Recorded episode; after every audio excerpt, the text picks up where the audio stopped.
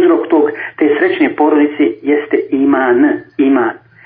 Iman, jer ako nema imana, nema ni, ni, sreće, ni sreće u porodici. Nema ni sreće u porodici. E, ako kuća nije zasnovana na bogobojaznosti, kuća u kojoj se ne poštuju, o, ne poštuju osnovna prava, prije svega Allahova prava, i ne poznaju se ta prava, ili se pravi braći i drugovi da ih ne poznaju, ta kuća postaje gubilište, mjesto nesreće, tuge, tegobnog života i tako dalje.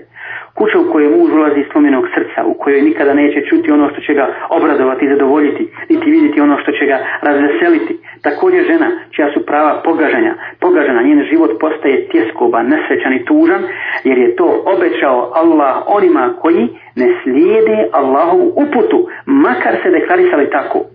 Dakle, izvršavanje tih temeljnih prava tih temeljnih prava je, je garancija zajedno sa kvalukom garancija za uspjeh u braku. Bogobojazan muškarac i žena će uložiti maksimum truda u izvršavanju povjerenih emaneta od strane Allaha subhanahu wa ta'ala. I svoje će obaveze izvršiti kako treba. Kada je čovjek upitao Hasana Basrija, imam kćerku, pa za koga da je udam?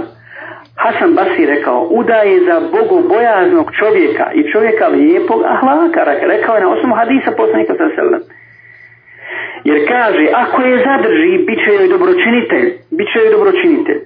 A ako je pusti, neće joj nasilje učiniti.